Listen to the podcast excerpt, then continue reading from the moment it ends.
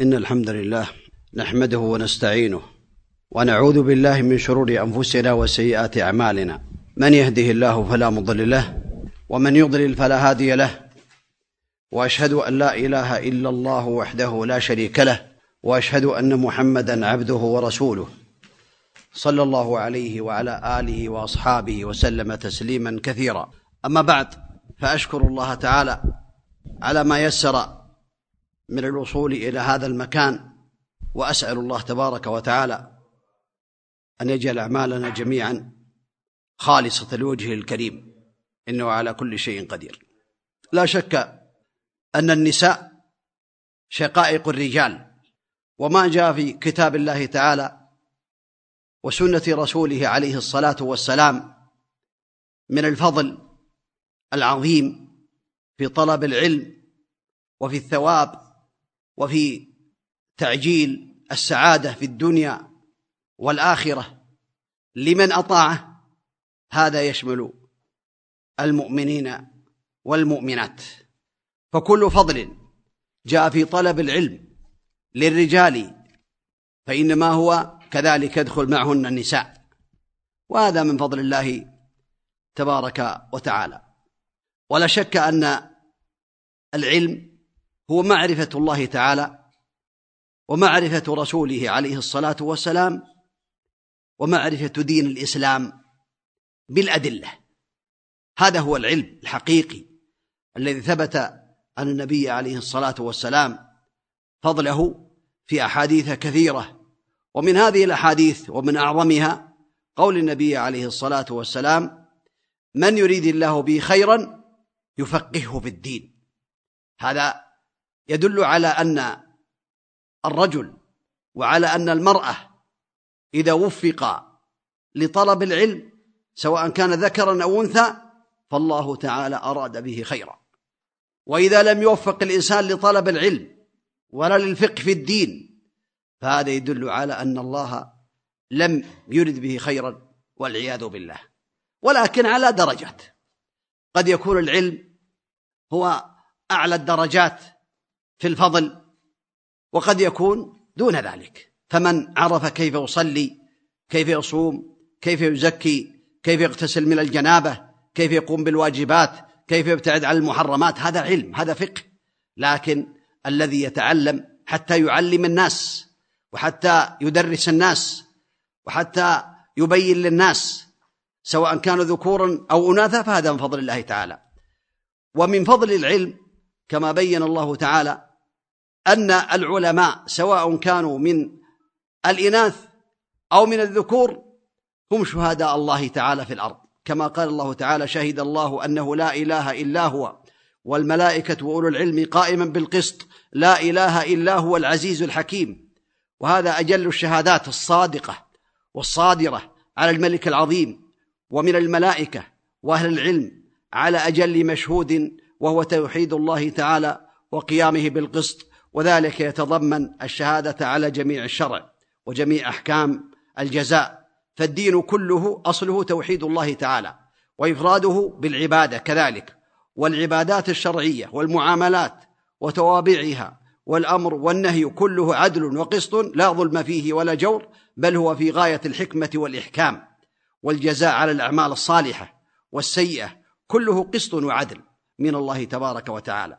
ولهذا أشهد الله تعالى على توحيده وعبادته العلماء مع الملائكة وهذا يدل على فضل العلماء وفضيلة العلم والعلماء لأن الله تعالى خصهم بالذكر من دون سائر البشر.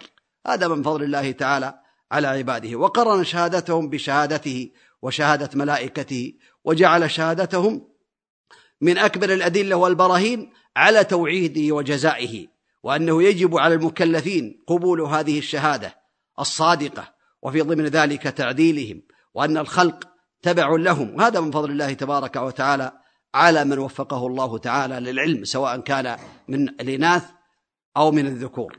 وقال سبحانه ويرى الذين أوتوا العلم الذي أنزل إليك من ربك هو الحق ويهدي إلى صراط العزيز الحميد. هذا يدل على أن العلماء هم الذين يقومون بهذا. لما ذكر الله حال إنكار من أنكر البعث وأنهم يرون أن ما أنزل على رسوله عليه الصلاة والسلام وما أنزل على رسوله صلوات الله وسلامه عليه ليس بحق ذكر حالة أهل العلم وأنهم يرون ما أنزل الله على رسوله من الكتاب وما اشتمل عليه من الأخبار هو الحق منحصر فيه كذلك وما خالفه وناقضه فإنه باطل لأنهم وصلوا من العلم إلى درجة اليقين ويرى الذين أوتوا العلم أنه الحق لا شك في ذلك. أيضا أنه في أوامره ونواهيه يهدي إلى صراط العزيز الحميد لأنهم جزموا بصدق الإيمان وبصدق ما أخبر الله تعالى به وما أخبر به النبي عليه الصلاة والسلام. قال الله تعالى وقال الذين أوتوا العلم والإيمان لقد لبثتم في كتاب الله إلى يوم البعث فهذا يوم البعث ولكنكم كنتم لا تعلمون فيومئذ لا ينفع الذين ظلموا معذرتهم ولا هم يستعتبون. هكذا يقول الله تبارك وتعالى أن العلماء يشهدون على المجرمين يوم القيامة في هذا وبين سبحانه وتعالى هذا الأمر وأنهم من الشهداء لله تبارك وتعالى على هذا الأمر العظيم. لا شك أن هذا من فضل الله تعالى عليهم من فضل الله تبارك وتعالى على العلماء أن جعلهم يشهدون على هؤلاء وهذا من فضل الله تبارك وتعالى. كما قال الله تعالى ويوم تقوم الساعة يقسم المجرمون ما لبثوا غير ساعة. فالعلماء ردوا عليهم يقسم المجرمون ما لبثوا غير ساعة كذلك كانوا يؤفكون. فيرد عليهم المؤمنون العلماء كما أقاموا عليهم حجة الله تعالى في الدنيا فيقول لهم حين يكلفون ما لبثوا غير ساعة. يكلمونهم ويقولون ما لبثوا غير ساعة. لقد لبثتم في كتاب الله إلى يوم البعث ولكنكم كنتم لا تعلمون. قال تعالى يرفع الله الذين آمنوا منكم والذين أوتوا العلم درجات. والله بما تعملون خبير. لا شك أن فضل العلم في الآيات كثير ولعظم العلم وفضله وفضل أهله. ثبت عن معاوية رضي الله عنه كما سمعتم أن النبي عليه الصلاة والسلام قال من يريد الله به خيرا يفقهه في الدين. وثبت عنه أنه عليه الصلاة والسلام قال من سلك طريقا يلتمس فيه علما سهل الله له به طريقا إلى الجنة. وإن الملائكة لتضع أجنحتها لطالب العلم رضا بما يصنع. هذا من فضل الله تعالى. وإن العالم ليستغفر له من في السماوات ومن في الأرض حتى الحيتان في الماء. وفضل العالم على العابد كفضل القمر على سائر الكواكب. وإن العلماء ورثة الأنبياء سواء كانوا من الذكور أو من الإناث. لأن هذا علم هو إرث الأنبياء كما بين النبي عليه الصلاة والسلام. وثبت عن النبي عليه الصلاة والسلام أنه قال إن مما يلحق المؤمن من عمله وحسناته بعد موته علما علمه ونشره أو ولدا صالحا تركه أو مصحفا ورثه أو مسجدا بناه أو بيتا لابن السبيل بناه أو نهرا أجراه أو صدقة أخرجها من ماله في صحته وحياته تلحقه بعد موته وهذا حديث ثابت عنه عليه الصلاة والسلام رواه ابن ماجه. هذا من فضل الله تعالى على عباده. قال عليه الصلاة والسلام إذا مات ابن آدم انقطع عمله إلا من ثلاث من علم ينتفع به أو صدقة جارية أو ولد صالح يدعو له. رواه مسلم. هذا من فضل الله تعالى على عبده المؤمن أنه يبقى العلم بعده من ثمراته التي قام بها ويحصل على هذا الثواب العظيم الذي بينه النبي عليه الصلاة والسلام. ولهذا ثبت عنه عليه الصلاة والسلام أنه قال من علم علما فله أجر من عمل به. لا ينقص من أجر العامل شيء. هذا يعلمه لكن له أجره ويكون الأجر متسلسل.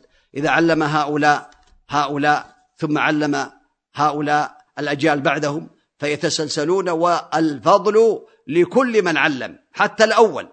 لأن النبي عليه الصلاة والسلام قال من سن في إسلام سنة حسنة فله أجرها وأجر من عمل بها من بعده أو كما قال النبي عليه الصلاة والسلام. والعلم الشرعي هو علم ما أنزل الله على رسوله من البيان والهدى. فالعلوم الممدوحة هي علم الوحي وعلم السنة. أما العلوم الأخرى فإن كان فيها نفع للإسلام والمسلمين فيثاب عليها. لكن فضل العلم الشرعي هو خاص به. فقوله عليه الصلاة والسلام من يريد الله به خيرا يفقهه في الدين. هذا خاص بالعلم الشرعي. من سلك طريقا يلتمس فيه علما سهل الله له به طريقا إلى الجنة. هذا خاص بالعلم الشرعي. وهكذا. لكن لو تعلم الإنسان الطب سواء كان من يعني آه، الطب بنية صالحة أو الهندسة أو غير ذلك فهذا له أجر إن كانت نيته صالحة. وإن كانت لم تكن صالحة فهو وما نوى. لكن أجره إن صلحت النية لا يكون أجر من يعني من قام بطلب العلم الشرعي. ولهذا ينبغي للإنسان سواء كان من الذكور أو الإناث أن يعلم بأن من آداب طلب العلم الإخلاص لله تعالى. ولهذا قال النبي عليه الصلاة والسلام من تعلم علما مما يبتغى به وجه الله تعالى لا يتعلمه إلا ليصيب به عرضا من الدنيا لم يره عرف الجنة أي ريحها. هذا خطر على الإنسان أن يتعلم العلم من أجل الدنيا وإنما لا بد من الإخلاص لله تعالى. وينوي بطلب العلم كذلك رفع الجهل عن نفسه ورفع الجهل عن غيره حتى يتعلم ونصرة الإسلام نصرة دين النبي عليه الصلاة والسلام. وهناك أسباب تعين طالب العلم على العلم منها التقوى وأن يقوم بالواجبات التي أوجب الله تعالى على عباده من صلاة وصيام ومراقبة لله تعالى والابتعاد عن المحرمات حتى يكونوا من أهل العلم وحتى يكون ممن قال الله تعالى فيهم إن الذين آمنوا وعملوا الصالحات كانت لهم جنات الفردوس نزلا وقال في هذا يبين تبارك وتعالى إن الذين آمنوا يبين بأن الذين آمنوا تكون لهم الجنة والثواب في الدنيا والآخرة. وكذلك يجعل الله الإنسان علما يفرق به بين الحق والباطل. فلا شك أن المؤمن إذا عمل بالصالحات واتقى الله فالله تعالى يعلمه. واتقوا الله ويعلمكم الله. والله بكل شيء عليم. ومن أشراط الساعة علامات الساعة أن الناس يعرضون عن العلم الشرعي. ولهذا ثبت عن النبي عليه الصلاة والسلام أنه قال من أشراط الساعة أن يرفع العلم ويثبت الجهل وقبض العلم بقبض العلماء. كما ثبت عن النبي عليه الصلاة والسلام أنه قال إن الله لا ينزع العلم انتزاعا ينتزعه من الناس ولكن ينتزع العلم بقبض العلماء حتى إذا لم يبق عالم اتخذ الناس رؤوسا جهالا. فسئلوا فأفتوا بغير علم فضلوا وأضلوا أو كما قال النبي عليه الصلاة والسلام. والعلم له ثمرات منها الثمرات التي يجنيها الإنسان في الآخرة بأن يرفعه الله تعالى كما بين الله تبارك وتعالى. وكذلك منها معرفة الدين الذي شرعه الله تبارك وتعالى ومنها رفع الجهل عن نفسه ورفع الجهل عن الناس ومن أعظمها الفوز بالجنة والنجاة من النار. وغير ذلك من الثمرات التي بينها الله تعالى وبينها النبي صلوات الله وسلامه عليه. ولا شك أن الفضل للعلم فضل عظيم وثبت عن النبي عليه الصلاة والسلام ذلك في أحاديث كثيرة وحلقات العلم ولكن أعظم العلم. العلم أعظمه أن يتعلم الإنسان كتاب الله تعالى بتفسيره إن تيسر كله. فإن لم يتيسر تعلم ما تيسر منه بمعرفة معانيه هذا هو من أفضل العلم كلام الله تعالى كل العلوم سوى القرآن مشغلة إلا الحديث وعلم الفقه في الدين العلم ما قال في حدثنا وما سوى ذاك وسواس الشياطين فلا بد للمسلم الصادق أن يعنى بكتاب الله تعالى وسنة النبي عليه الصلاة والسلام لأنها الشارحة النبي عليه الصلاة والسلام هو المبين والموضح لهذا القرآن العظيم فلا بد من معرفة ما تيسر من سنة النبي عليه الصلاة والسلام الأربعون النووية وغيرها عمدة الأحكام للمقدسي رحمه الله وبعده بلوغ المرام يتعلم الإنسان لأن العبادة هي التي خلق من أجلها الإنسان ولهذا قال الله تبارك وتعالى وما خلقت الجن والإنس إلا ليعبدون ما أريد منهم من رزق وما أريد أن يطعمون إن الله هو الرزاق ذو القوة المتين. فلا بد من أن يعنى طالب العلم بكتاب الله وبسنة النبي عليه الصلاة والسلام. على منهج الصحابة رضي الله عنهم ومنهج السلف الصالح على منهج أهل السنة والجماعة وكذلك أقوال الصحابة. ولهذا قال بعضهم العلم قال الله قال رسوله قال الصحابة. فلا بد من هذا الأمر ومما يعين الإنسان على طلب العلم أن يسأل الله العلم النافع. كما قال الله تبارك وتعالى للنبي عليه الصلاة والسلام وقل ربي زدني علما. قل ربي زدني علما. فيسأل الإنسان المسلم سواء كان من الذكور أو من الإناث ربه العلم النافع والعمل الصالح فإن هذا من أسباب التوفيق له. ويبتعد عن المعاصي فإنها تحول بين الإنسان وبين العلم النافع. ولهذا قال الشافعي رحمه الله تعالى شكوت إلى وكيع سوء حفظي فأرشدني إلى ترك المعاصي وقال اعلم بأن علم الله نور ونور الله لا يهداه عاصي. وكان الإمام الشافعي يقرأ أمام الإمام مالك رحمه الله فأعجبه فقال إني أرى الله قد قذف في قلبك نورا فلا تطفئه بظلمة المعاصي. المعاصي تحول بين الإنسان وبين طلب العلم النافع وتحول بينه وبين قراءة القرآن وتحول بينه وبين العمل بالعلم. المعاصي حجاب بين العبد وبين الله تبارك وتعالى. والمعاصي ما نهى الله تعالى عنه وما نهى عنه رسوله عليه الصلاة والسلام. والطاعات مما يعين العبد المسلم والمرأة المسلمة على طاعة الله تعالى وعلى العلم النافع والعمل الصالح. ولهذا يعني يجعل له فرقانا يفرق بينه وبين الباطل ويعلمه الله تعالى ما ينفعه إذا قام بهذه الأعمال وابتعد عن المعاصي. أسأل الله تبارك وتعالى أن يرزقني وإياكم جميعا ذكورا وإناثا العلم النافع والعمل الصالح والتوفيق والقبول فإن العمل لا يكون مقبولا وطلب العلم لا يكون مقبولا إلا إذا كان خالصا لوجه الله تعالى وعلى هدي رسوله عليه الصلاة والسلام. فاسألوا الله لنا ولكم العلم النافع والعمل الصالح والتوفيق لما يحبه ويرضاه. أما بقية الكلام فيكون إن شاء الله مع الأسئلة. كان فيه أسئلة. وصلى الله وسلم وبارك على نبينا محمد وعلى آله وأصحابه أجمعين. جزا الله فضيلة الشيخ على ما قدم. والآن نطلب من الشيخ أحمد النصيري. يطلب من الشيخ إجازة الطالبات. بسم الله الرحمن الرحيم الحمد لله رب العالمين والصلاة والسلام على رسول الله وعلى آله وصحبه أجمعين ثم أما بعد فإن طلب الإجازة من العلماء والمشايخ مما جرت عليه سنة طلبة العلم فإننا نتقدم إلى فضيلة الشيخ سعيد بن علي بن وهب القحطاني بطلب الإجازة للحاضرين والحاضرات برواية هذا الكتاب العظيم مجموعة أركان الإسلام وسائر كتبه ومؤلفاته ومروياته أنا قد كتبت ذلك. كتبه الإخوان. قد أذنت لجميع من حضر الآن ولمن لم يحضر إن كان من طلاب العلم أن يروي كتبي ويدرسها ويعلمها للناس ابتغاء مرضات الله تعالى. وأسأل الله تبارك وتعالى أن يثيب الجميع وأن يرزقنا وإياكم العلم النافع والعمل الصالح والتوفيق لما يحبه ويرضاه. نعم. جزاك الله خير شيخنا قبل الإخوان والأخوات الإجازة ونسال الله أن يعين على تحمل الامانه. نعم الحمد لله الآن نبدأ الأسئلة وسنقدم الأسئلة التي جاءتنا من الأخوات الحاضرات لأن فضيلة الشيخ جمعت أسئلة من المراكز ومن الطالبات. نعم الشيخ السؤال الأول هذه تقول كنت أصلي مع جماعة وأخرت السلام بعد سلام الإمام، هل هذا يبطل الصلاة؟ وهل عليها الإعادة؟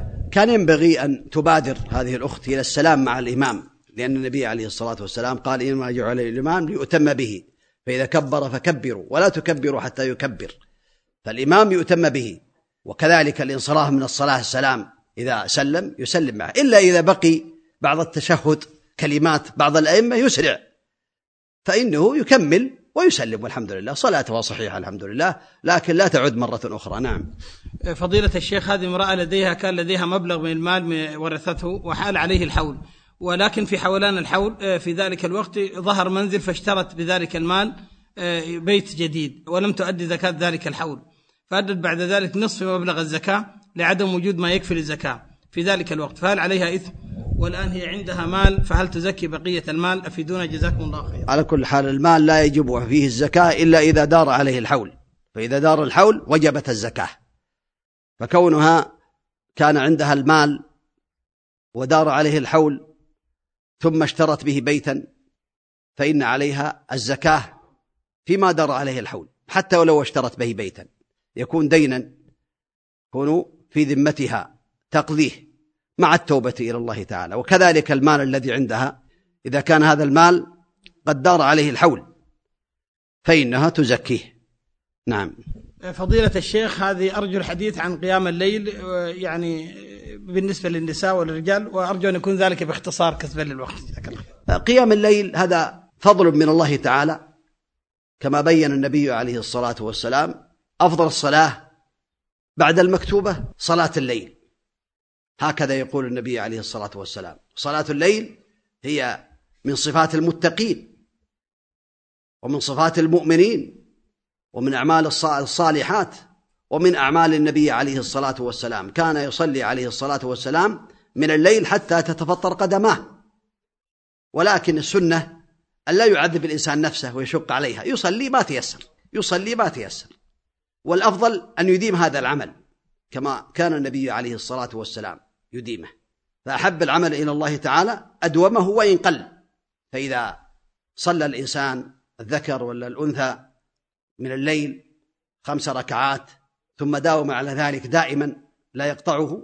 يكون أفضل ممن يصلي إحدى عشرة ركعة في بعض الأوقات ويقطع في بعض الأوقات لكن الأفضل أن يداوم على إحدى عشرة ركعة. فإن كان عنده نشاط وقوة أطال القراءة وإن لم يكن عنده نشاط ولا قوة فإنه يقصر القراءة والحمد لله. فقيام الليل هو عمل صالح ومن أسباب السعادة في الدنيا والآخرة فينبغي للعبد أن لا يفوت هذا الأمر عليه لأن النبي عليه الصلاة والسلام بين في الحديث إن الله تعالى ينزل في الثلث الآخر من الليل فيقول من يدعوني فأستجيب له من يسألني فأعطيه من يستغفرني فأغفر له حتى يبرق الفجر. فلا يفوت المسلم على نفسه هذه الفرصة العظيمة التي يقول الله تعالى فيها هذا الأمر العظيم والله أصدق قيلا وأحسن حديثا. فينبغي اللسان أن يحافظ على هذا. ويخصص وقتا من الليل في آخره قبل الفجر ولو ساعة ولو ساعة واحدة. وإن كان ضعيفا أو كان متعبا يخفف. وإن كان عنده النشاط يطول في القراءة. وسيجري ذلك الثواب حينما يلقى الله تبارك وتعالى. نعم. فضيلة الشيخ هذه تقول كنت مسافر في بص ولم يتوقف البص لأداء صلاة مثل صلاة الفجر. هل يجوز أن أصليها وأنا في البص دون استقبال القبلة؟ إذا كان وقت الصلاة يخرج والإنسان في سيارة أو في طائرة. أما المسافر الباص ما يدرى هل هي مسافرة أو داخل البلد. إذا كانت داخل البلد فإنها تنتظر حتى تأتي إلى البيت إن لم يخرج وقت الصلاة. فإذا كان في وقت صلاة الظهر وهي في الباص تنتظر حتى تأتي البيت إذا لم يخرج وقت صلاة الظهر. أما إذا خافت أن يخرج فإنها تصلي على حسب حالها. أما المسافر فإنه يصلي الأولى مع الثانية إذا كانت رباعية أو يؤخرها مع الثانية والحمد لله. الخلاصة أنها إذا خشيت خروج الوقت فإنها تصلي على حسب حالها. فاتقوا الله ما استطعتم لا يكلف الله نفسا إلا وسعها. نعم. فضيلة الشيخ هذه تسأل عن حكم المسح على الرأس الذي عليه الحناء بالنسبة للمرأة وفوق الحناء كيس هل يعني هل تمسح عليه؟ ذكر عن عائشة رضي الله عنها أنها كانت تفعل ذلك. فلا حرج في ذلك إذا مسحت على الحناء مربوطا. وقد لبسته على طهارة أو وضعته على طهارة لا حرج أن تمسح على الحناء وهذا من تيسير الله تعالى. نعم. فضيلة الشيخ هل يجوز للجنب ترديد الأذان؟ عليها جنابة. نعم. يجوز للجنب أن يردد الأذان لكن لا يقرأ شيئا من القرآن ولا آية. وكذلك المرأة الحائض من باب الفائدة. صحيح من أقوال أهل العلم أن لها أن تقرأ القرآن عن ظهر قلب يعني تقرأه تقرأه غيبا حفظا أو تقرأ في المصحف وتلبس قفازين أو تجعل بينها وبين المصحف ثوبا أو يمسك غيرها. لا يكلف الله نفسا إلا وسعها. أما الجنب فلا يقرأ ولا آية. أما الأذكار أذكار الصباح أذكار المساء ترديد الأذان بعد المؤذن هذا كلها أذكار يقولها الجنب ويعني غير الجنب والحمد لله إلا أن الجنوب لا يقرأ شيئا من القرآن. أما الحائض والنفساء فلها أن تقرأ القرآن عن ظهر قلب و أو تقرأ القرآن بالنظر ولكن لا تمسك ولا تمس القرآن. نعم. فضيلة الشيخ امرأة استعدت للصلاة ثم شربت عصير أو ما شابهه هل يجب عليها أن تتمضمض؟ لا يجب عليها لكن لو تمضمضت تكون أفضل. يعني من باب التطهر والنظافة أو السواك يغني عن ذلك والحمد لله. كما قال النبي عليه الصلاة والسلام السواك مطهرة للفم مرضاة للرب. نعم. فضيلة الشيخ غسل الجمعة للنساء هل هو سنة في حقهن؟ غسل الجمعة هو خاص بالرجال بمن تجب عليه الصلاة الجمعة بالرجال. أما النساء لا يجب عليهن ولا يشرع في حقهن لكن النظافة مطلوبة. لو أرادت أن تنظف ويعني لا تخص ذلك بيوم الجمعة وإنما من باب النظافة والنزاهة حتى تكون يعني متنظفة في أي وقت. لكن تخصيص الغسل هو للرجال لمن يحضرون الجمعة من الرجال. نعم. فضيلة الشيخ أحسن الله إليكم. هل من حرج في ترك البنات للختان؟ الختان بالنسبة للبنات أم الأفضل في حقهن الختان؟ وماذا لو جاوزت البنت سن العاشرة من عمرها أو بلغت المحيض ولم تختن؟ يعني هل أفضل تترك أو تختن الصواب في ذلك أن الختان للرجال واجب من الواجبات. يجب ختن الرجال. أما النساء فالصواب في ذلك أنه سنة مستحب. لكن بشرط أن توجد الطبيبة الحذقة التي تحسن هذا العمل.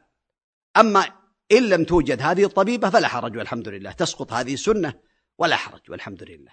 فإذا وجدت الطبيبة المتقنة للختان للبنت الصغيرة فإن هذا من باب السنة ومن باب الأفضلية ولا تنهك. فإنه أحظى للزوج كما قال النبي عليه الصلاة والسلام. فالخلاصة أن هذا العمل لا يعمله إلا من كان عنده خبرة طبيبة أو عندها خبرة آه، يعني مؤكدة بالله تضر هذه البنت. وإلا فالحمد لله تترك بلا ختان ولا حرج عليها والحمد لله. نعم. فضيلة الشيخ بالنسبة للنزول في السجود هل يكون بالركعتين أم باليدين؟ وماذا عن القيام أو الرفع من السجود؟ الصواب في هذا أن النزول يعني إلى السجود يقدم ركبتيه قبل يديه. هذا هو الأفضل كما قال بعض المحققين من من أهل العلم. يقدم الركبتين ثم اليدين. وإذا قام إلى الركعة من السجود فإنه يعتمد على ركبتيه ثم يقوم. هذا هو الأفضل. لكن لو كان الإنسان كبيرا في السن أو ضعيف فلا حرج أن يقدم يديه ولا حرج أن يعتمد على يديه ويقوم وتقوم ركبتيه قبل يديه. الحمد لله والأمر واسع في هذا. هذا هو الأفضل. نعم. فضيلة الشيخ هذه أخت سألت عن الزوج قبل الزواج ويعني ادعى أنه يصلي ولكن ثبت لها الآن أنه لا يصلي والمسجد أمام البيت لا يذهب. أيضا فوجئت بأنه لا يغتسل بعد الجماع. فتقول هل لو رفضت يعني أن أن تنام معه هل يكون عليها من إثم في ذلك وما هو توجيه فضيلتكم؟ لا هذا إذا كان ثبت بأنه لا يصلي فالصواب من أقوال أهل العلم أن الذي لا يصلي كافر كما قال النبي عليه الصلاة والسلام بين الرجل وبين الكفر والشرك ترك الصلاة. وقال العهد الذي بيننا وبينهم الصلاة. فإن ثبت عندها أنه لا يصلي فإنه يكون كافرا. أما إذا كان يصلي في البيت ويغتسل من الجنابة ويصلي في البيت فهو مسلم عاصي وعليه أن تأمره وتحسن إليه. أما إذا كان لا يصلي فتمتنع عنه لا يجوز لها أن تمكنه من نفسها على القول الصحيح لأنه مرتد إذا كان مسلما. وإذا كان يصلي وهو لا يغتسل من الجنابة فكذلك يكون كافرا. إذا كان متعمدا فلا يجوز لها أن تبقى معه وعليها أن تذهب إلى أهلها حتى يتوب إلى الله تعالى. أو يفارقها. وإن كان العقد على الصحيح من أقوال أهل العلم كان وقت العقد لا يصلي فالصواب أن العقد باطل كذلك. يعاد العقد إذا تاب إلى الله تعالى وثبت ثبتت توبته يقينا. لا بالكذب والزور. فالخلاصة أني أنصح هذه الأخت أن تفارق هذا الرجل إذا كان لا يصلي حتى يغير من وضعه لأن الصواب أن تارك الصلاة يكون كافرا مرتدا والعياذ بالله تعالى. نعم. فضيلة الشيخ الأخوات استفادوا ولله الحمد من من الكتب ومن أركان الإسلام هذه المجلدات الطيبة. السؤال الآن هي تسأل كيفية المحافظة على ما درسناه وتعلمناه؟ نصيحة من فضيلتكم المراجعة. يراجع الإنسان. يراجع ما درس ويراجع ما حفظ. وبالتدريس كذلك. إذا كانت طالبة علم تدرسه للبنات تدرسه للنساء. تجعل فيه محاضرات كلمات. توجيهية قراءة تقرأه على الطالبات حتى تستفيد تكرر حتى تستفيد وتعمل بما علمت نعم فضيلة الشيخ هذه تسأل عن من كان لها أقارب رحم كل ما زارتهم نالت من الشر وحصلت مشاكل. فهل يكفي الاتصال بالهاتف دون الزيارات؟ نعم الحمد لله. إذا كان الزيارة تسبب أضرارا ومشاكل الحمد لله. الهاتف يكفي الحمد لله. إلا الوالد والوالدة فشأنهما غير غير هذا. يحسن الإنسان إليهما وتحسن المرأة إلى والديها. أما إذا كانوا غير الوالدين فالهاتف يكفي والحمد لله. نعم. الشرح يقول النبي صلى الله عليه وسلم اللحد لنا والشق لغيرنا في القبور. اللحد هو الحفر الذي يكون في جهة القبلة والشق هو الحفر في وسط القبر بدون اللحد بدون الميول. والصواب أنه يجوز اللحد وأنه أفضل وهو السنة وأن الشق لا بأس به لأن النبي عليه الصلاة والسلام ألحد له عليه الصلاة والسلام. فالشق جائز ولكن تركه أفضل واللحد هو السنة. نعم. هذا السؤال عن معنى كلمة رقوب في ما تعددنا الرقوب فيكم. قلنا الذي لا يولد له. قال ليس ذلك ولكن الرجل الذي لم يقدم من ولده شيئا. يعني الذي لم يمت من أولاده أحد. يعني إنسان ما مات من أولاده أحد. هذا من باب يعني الترغيب ومن باب التصبير للمرأة وللرجل الذي يموت من أولاده أحد فيصبره. ليس الرقوب الذي لا يولد له يعني ليس العقيم. ها؟ ولكن الرقوب الذي لا يقدم من أولاده شيئا أي الذي لم يمت من أولاده أحد. هذا ولكن قد يكون الأمر يعني فيه فضل. فإذا لم يقدم أحد من الأولاد ما مات أحد من الأولاد وهم من الصالحين ومن أهل العلم والخير والفضل فضل الله يؤتيه من يشاء. لكن هذا من باب التصبير لمن أصابته مصيبة وأن من مات له ولد أدخله الله الجنة برحمته معه. نعم. إيه، كأنها وضعت إلى جوار حديث مع المرأة التي توفي ولدها وسألت النبي صلى الله عليه وسلم قالت إن وإن امرأة الرقوب لا, لا ألد. نعم. إيه. واضح. نعم. إيه، فضيلة الشيخ هل يقصر المسافر الصلاة إذا كان مسافر إلى بلدة أو بلد إقامته وهو يقصر في وقت إقامته لمدة شهر مثلا؟ الصواب أنه إذا سافر وأجمع الإقامة أكثر من أربعة أيام أنه يتم الصلاة. هذا هو قول الجمهور وهو الأحوط للمسلم حتى لا يقع في الخطر. فإنه بالإجماع أجمع العلماء أن من أقام أكثر من أربعة أيام وأتم الصلاة أن صلاته صحيحة. أما إذا قصر الصلاة بعد أربعة أيام فالمسألة خلافية وعلى خطر. فالأفضل للإنسان إذا أراد أن يقيم أكثر من أربعة أيام أن يتم الصلاة. كالمقيم يصلي مع الناس. نعم إذا كان من الرجال وتصلي المرأة في البيت أو مع الناس مع الاحتشام. الخلاصة أن من أقام أكثر من أربعة أيام وأجمع الإقامة فإنه لا يقصر الصلاة إلا إذا كان لا يدري كم يقيم. ذهب إلى المملكة العربية السعودية أو إلى قطر وهو من المملكة ولكن ما يدري متى يسافر. عنده معاملة عنده آه، أمر من الأمور ما يدري اليوم أو غد فله أن يقصر الصلاة حتى ينتهي لأنه ما يدري حتى لو بقي أشهر. أما إذا كان أجمع الإقامة وعنده علم بأنه يبقى أكثر من أربعة أيام فالأفضل له أن يتم الصلاة. نعم. وأن يصوم كذلك إذا كان في رمضان. نعم. فضيلة الشيخ بارك الله في علمك وسؤال حبذ أن تشرح لنا معنى قصعة الشعر التي هي مكروهات الصلاة كما ذكرت في كتابك. عقص إيه؟ يعني عقص الشعر ربط الشعر من الخلف. يعني جمع الشعر ثم يربطه من الخلف. هذا هو عقص الشعر. نعم. وهذا من مكروهات الصلاة. نعم نعم. إيه، فضيلة الشيخ تقول حبذا أن تفصل لنا مسألة الكحول في العطور وخاصة الكالونيا التي دائما تستخدمها النساء. الكحول في العطور اختلف العلماء في نجاسة الخمر. هل هي نجسة أو غير نجسة؟ فالذي يقولون بنجاسة الخمر لا شك أنه حرمه الله تبارك وتعالى لكن هل يكون نجسا؟ لأنه أهريق في شوارع المدينة. أو لا يكون نجسا؟ والصواب أنه نجس وأنه كالبول. فالكحول كالبول. إذا أصاب اليد يغسل. لا ينقض الوضوء لكنه نجس. فإذا وضع الإنسان في يده فإنه لا يصلي إلا بعد أن يغسله ولهذا ذكر بعض العلماء أنه يعني من الرجس فكيف يتلطخ؟ يسمي الله تبارك وتعالى إنما الخمر والميسر والأنصاب والأزلام رجس من عمل الشيطان. رجس نجس. فكيف يتلطخ بهذا ويصلي؟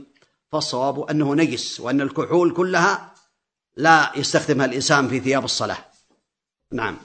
فضيلة الشيخ طبعا مركز هنا يقيم محاضرات وهناك هواتف للتواصل لكن هنا طلب من الأخوات نحن ندعم هذا الطلب أنه يكون هناك خط أو تواصل إلكتروني مع فضيلتكم وإن شاء الله نرتب هذا مع الشيخ فواز ما عندي معنى يعني الله- مرة الله- في الشهر أو في الشهرين مرة ما عندي معنى الله إن شاء الله يجزيك نعم خير آه، فضيلة الشيخ هل يجوز الجمع والقصر في الصلاة بعد الوصول البلد المسافر إليه التي تسافر إليه إذا كانت مدة الإقامة أكثر من ثلاثة أيام تقدم إذا كان أكثر من ثلاثة أيام ولم يصل أكثر من أربعة أيام تقدم إذا كان أجمع الإقامة يعني عزم على الإقامة أكثر من أربعة أيام فالصواب أنه يتم الصلاة. نعم. شيخ هاي طالبة تقول أنا مقيمة بقطر وذهبت الإجازة ببلدي لمدة شهر هل أقصر الصلاة؟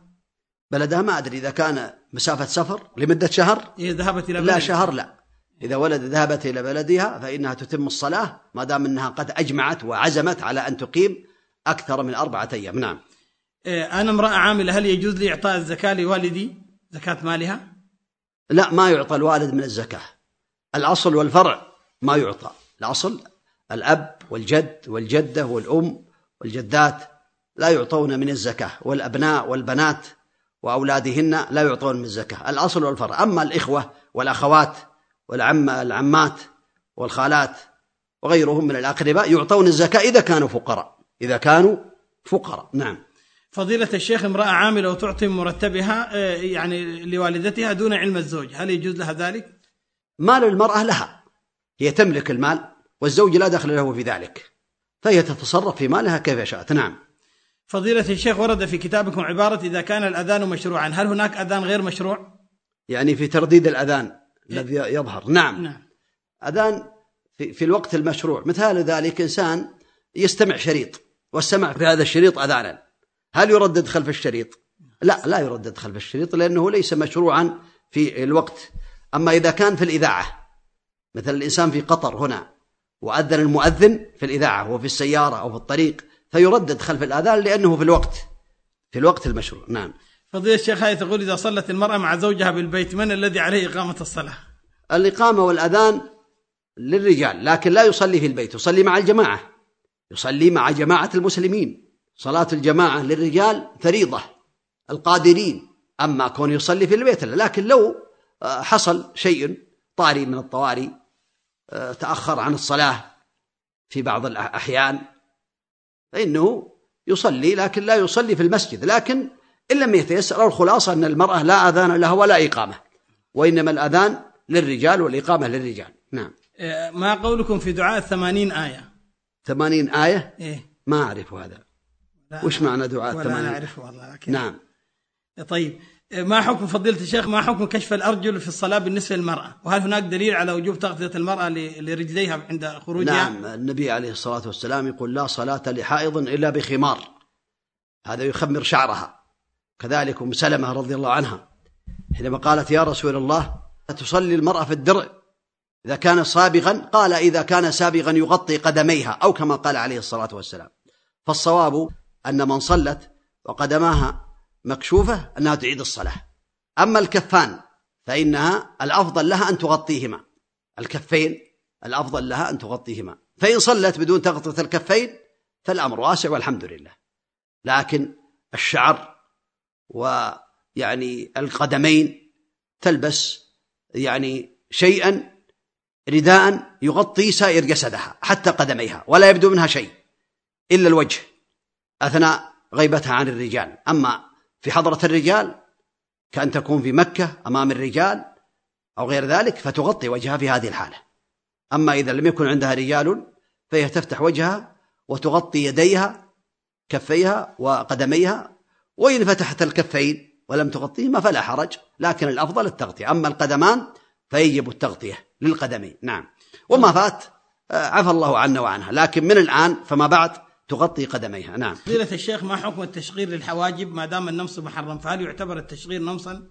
الذي يظهر والله أعلم أن التشقير هو نوع من أنواع النمص لأنها تشقر حتى يكون هذا التشقير كالوجه فلا يبين الحاجب كأنها مشقرة.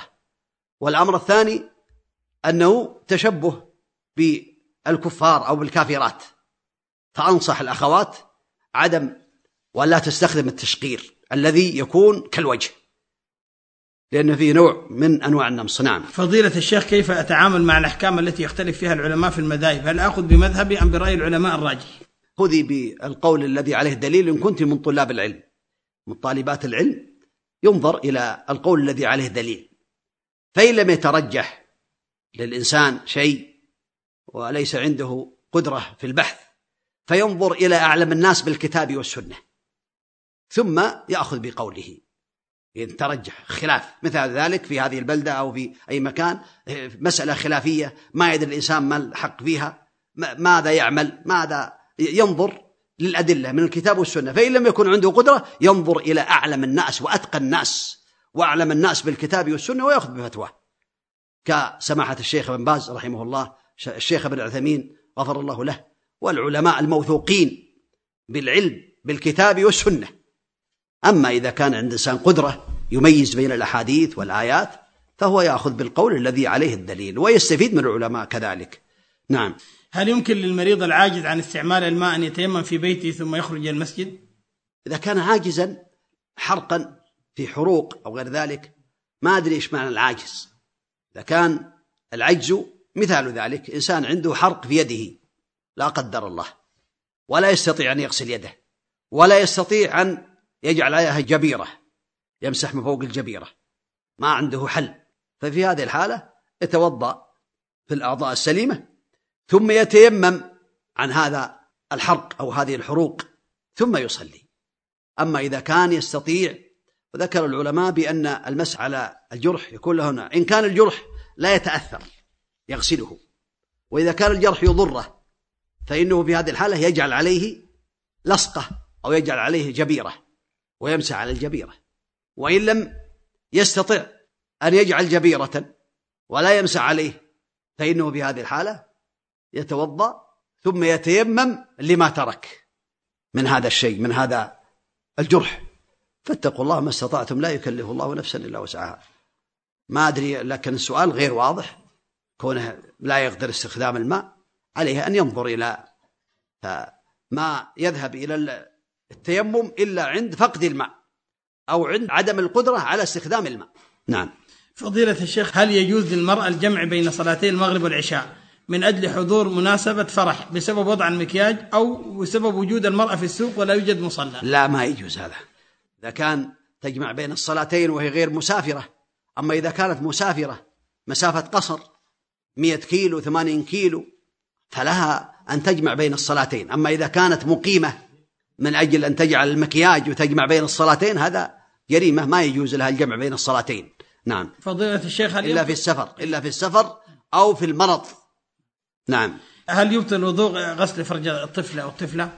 الأم إذا كانت تغسل نعم الصواب أنه إذا مست الفرج بدون حائل فهي في هذه الحالة تكون قد انتقض الوضوء وتتوضأ. نعم. غسل الميت هل هو ما ينقض الوضوء أم لا؟ غسل الميت إذا وقعت اليد في فرج الميت بدون حائل وهذا لا يجوز لكن لو حصل هذا فهو ينقض الوضوء. أما إذا لم يحصل شيء من ذلك فإن الأفضل أن يغتسل السنة لمن غسل ميتا أن يغتسل. أما الوضوء فإنه في هذه الحالة لا يجب عليه إلا إذا أمسك الفرج بدون حائل. نعم. هذا السؤال تقول إذا كان عطر الكالونيا آه، نجس ولا يجوز آه، يعني الصلاة بدون إزالة هذا فكثير من مرضى السكر الذين يتعاطون إبر حقن الأنسولين يستخدمون ما يسمى يعني بمسحات أو كذا الكحول الخالص على أجسادهم ويصلون دون أن يزيلوا أثرها فما حكم؟ يغسلونها. ما ذهب؟ عفى الله عنه. لأن المسألة خلافية. وما يأتي؟ يأخذ الإنسان احتياطه. يغسل مكان هذا الكحول. نعم. فضيلة الشيخ ما حكم خروج الريح في الصلاة أكثر من مرة لمن لا تعاني من مرض؟ يبطل الوضوء. إذا لم يكن سلس نسأل الله العافية. استطلاق ريح دائما. فصاحب السلس يتوضأ عند دخول وقت الصلاة. فإذا توضأ لا يضره ما خرج حتى ينتهي وقت الصلاة. وله أن يصلي هذه الفريضة والنوافل والرواتب إلى دخول وقت الصلاة الأخرى. ما لم يأتي ناقض آخر. فإذا جاء ناقض آخر توضأ لهذا الناقض. أما كونه يخرج من هذا فعليه أن يعيد الصلاة. إذا كان آه، لم يكن مريضا يعيد الصلاة التي حصل فيها هذا الريح. نعم. فضيلة الشيخ ما ما حكم أن تصلي صلاة جهرية خوفا من وسوسة الشيطان والنسيان؟ كل الصلوات جهرية يعني بحيث لا الصلوات الجهرية تقرأ في الصلاة الجهرية. يعني قراءة القرآن السنة تكون جهرية للرجال والنساء. المرأة إذا صلت في بيتها تقرأ ترفع صوتها. إن لم يكن عندها رجال من الأجانب أما إذا كان محارمها أو في البيت تقرأ في الجهرية جهرا وفي السرية سرا. أما كونها تقرأ جهرية في كل الصلوات حتى السرية هذا خلاف السنة وعليها أن تجاهد نفسها تجاهد الشيطان تستعيذ بالله من الشيطان تتفل عن يسارها ثلاثا أعوذ بالله من الشيطان ثلاث مرات كما ثبت عن النبي عليه الصلاة والسلام ويزول ذلك إن شاء الله. فضيلة الشيخ ما حكم الأساور النحاسية التي تباع في الصيدليات لتخفيف الآلام؟ وهل لها نفس حكم الحلقة أو الخيط الذي جاء النهي عنهما في الحديث؟ هذا فيها خلاف. ذكر شيخنا ابن باز رحمه الله أن فيها خلاف بين العلم والأولى تركها. الأولى أن لا يلبسها يتعالج بعلاج آخر ويتركها. نعم. إيه، طبعا هذا ما معنى السواري؟ مكتوب في الكتاب لا يجوز الصلاة بين السواري. سواري الأعمدة أعمدة المسجد. ما هو لا يجوز يكره. يكره الصلاة بين السواري. يعني لأنها تقطع الصفوف. هذا إذا كانت الصفوف متصلة. أما كون الإنسان أو المرأة تصلي بين عمودين لوحدها ولا تقطع الصفوف لا حرج. المقصود أن السواري بحيث تكون السارية كالرجل بين الرجلين. تقطع الصف. هذا مكروه. لكن قد تزول الكراهة بالزحام في المسجد. سواء كان في مصلى النساء أو مصلى الرجال. فإذا حصل زحام شديد فإنها في هذه الحال تزول الكراهة والحمد لله. صلى بين السواري أي الأعمدة المسجد. نعم. فضيلة الشيخ أرجو الكاميرا تكون هذا السؤال يقول ممكن تمثل لنا طريقة عقد 53 والإشارة بالسباب في التشهد؟ مسألة أن يعقد يعني طريقة وضع الله الله أعلم لكن قالوا بأن يعني هي ثلاثة أنواع. إيه. إما أن يحلق بين الإبهام والوسطى هكذا. نعم. يحلق بين الإبهام والوسطى هكذا. وإما أن يقبض الجميع. وإما أن يجعل 53 قالوا 53 يجعل هذه في أصل الوسطى. ثم يقبض عليها هكذا. صارت هذه خمسة وهذه ثلاثة هنا أي نعم. فالأمر واسع. الأفضل يعني ثلاث أنواع. إما أن تكون هكذا. الوسطى مع السبابة الوسطى مع الإبهام ويشير بالسبابة وإما أن يقبض الجميع هذا النوع الثاني وإما أن يعقد 53 يجعل الإبهام في أصل الوسطى ثم يقول هكذا. والأمر واسع كله سنة. نعم. هذا سؤال عن عروض التجارة فضيلة الشيخ. نعم. كيف تكون زكاة عروض التجارة باختصار؟ تقوم التجارة تقوم عروض التجارة. مثال الإنسان عنده دكان في آخر السنة كم يساوي هذه البضاعة في الدكان؟ كم تساوي؟ تساوي مليون تساوي عشر ألاف. ثم يزكي المبلغ. يزكي المبلغ الذي يقومه في آخر السنة. هكذا. عنده أرض مثلا. يسأل عن سعر هذه الأرض. سعر المثل. كم تساوي هذه الأرض؟ قالوا مئة. يزكي مئة. نعم. فضيلة الشيخ هل لديكم النية باختصار كتاب أو سلسلة خاصة بأحكام النساء؟ خاصة بأحوال العبادات والأحكام بالتفصيل وذلك بنفس الكيفية المفضلة التي طالبة العلم تقرأ تستفيد والاختصار قد يكون في خلل. وطالبة العلم ما يحتاج إلى المختصرات. نعم. إذا فاتتني في الركعة الأولى في الصلاة الجماعية هل لي بسجود السهو؟ يعني كان بعدين الإمام سجد سجود السهو. نعم. إذا كان على الإمام سجود سهو وأكملت صلاتك فإنك تسجدين قبل السلام إذا سجد الإمام قبل السلام فاسجدي معه. أما إذا كان سجود الإمام بعد السلام فتكملين الصلاة. ثم تسلمين ثم تسجدين سجود السهو. إلا إذا سجدت مع الإمام لأن بعض الأئمة من كان يسلم ثم يسجد قبل أن يقوم الإنسان أن يأتي بما فاته من الصلاة فيسجد معه ولا يحتاج إلى سجود ثاني آخر. نعم. هل يجوز للمرأة أن تقرأ القرآن على شيخ لأخذ الإجازة في الحفظ أو التلاوة؟ شيخ رجل يعني. ممكن عن طريق آه، بينه وبين حائل بوجود محرم. بوجود أخوها أو وجود محرمها أو زوجها يكون معها وبينهم حائل ستارة وغير ذلك حتى لا يحصل ما حرم الله تبارك وتعالى. لا بأس بذلك لكن بشرط وجود المحرم وشرط وجود الحائل. إلا أن يكون أعمى فإذا كان أعمى فبشرط أن يكون المحرم موجودا والشرط الثاني أن تغض بصرها. نعم. فضيلة الشيخ تذكرت وهي ساجدة أنها لم تركع. تكون هذه الركعة يعني آه، ملغاة وتأتي بركعة أخرى. نعم. آه، هذه توسوس الصلاة كثيرا هل عليها إعادة الصلاة وماذا تعمل والحال؟ الوسوسة هذا يعني شر عظيم لكثير من الناس. فنصيحتي لمن عنده وسوسة في الصلاة ألا يعيد الوضوء ولا تعيد الصلاة ولا تعيد تكبيرة الإحرام ولا تعيد قراءة التشهد. ولا قراءة الفاتحة مطلقا ما تعيد شيء مرة. وهذا من العلاج العاجل. يكون الإنسان أما إذا فتح الإنسان المجال للشيطان يعيد تكبيرة الإحرام بعضهم يكبر ويكبر تكبيرات. حتى بعضهم يذكر أن بعض الموسوسين ينطق بالنية نويت أن أصلي أربع ركعات آه، لله تعالى أزاء لله أزاء لله. يعني أذاء قال أذاء قد قد آذيت الله ورسوله بهذا لأنه خلاف السنة. فالخلاصة أن الموسوس لا يعيد تكبيرة الإحرام ولا يعيد التشهد ولا يعيد أي شيء من الصلاة ولا الوضوء ويقطع ويستعين بالله تعالى على ذلك ويستعيذ بالله من الشيطان. أما الذي ليس عنده وسوسة وإنما عرض له عارض فيعيد الشيء الذي يعني شك فيه. نعم. فضيلة الشيخ تقول أسهمي أسهم عند أسهم تجارية في بعض المؤسسات أرباحها فيها نسبة كبيرة من الربا. ولكنها أتخلص من هذا المبلغ بالتبرع لدار تحفيظ. وأرى أن الدار تستفيد جدا من هذا المبلغ. فهل عملي هذا صحيح؟ أما الأفضل التخلص من هذه الأسهم بيعها لا لا التخلص من هذه الأسهم فوريا.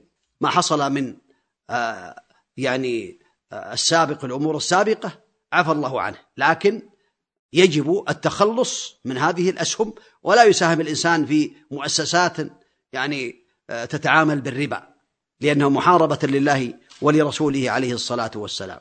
حقيقة نعتذر للأخوات الفضيات عن بقية الأسئلة وأتيح فرصة لأخي الشيخ أحمد النصيري نسأل الله عز وجل لنا ولكم العلم النافع والعمل الصالح والتوفيق لما يحب ويرضاه وصلى الله وسلم وبارك على نبينا محمد وعلى آله وأصحابه أجمعين.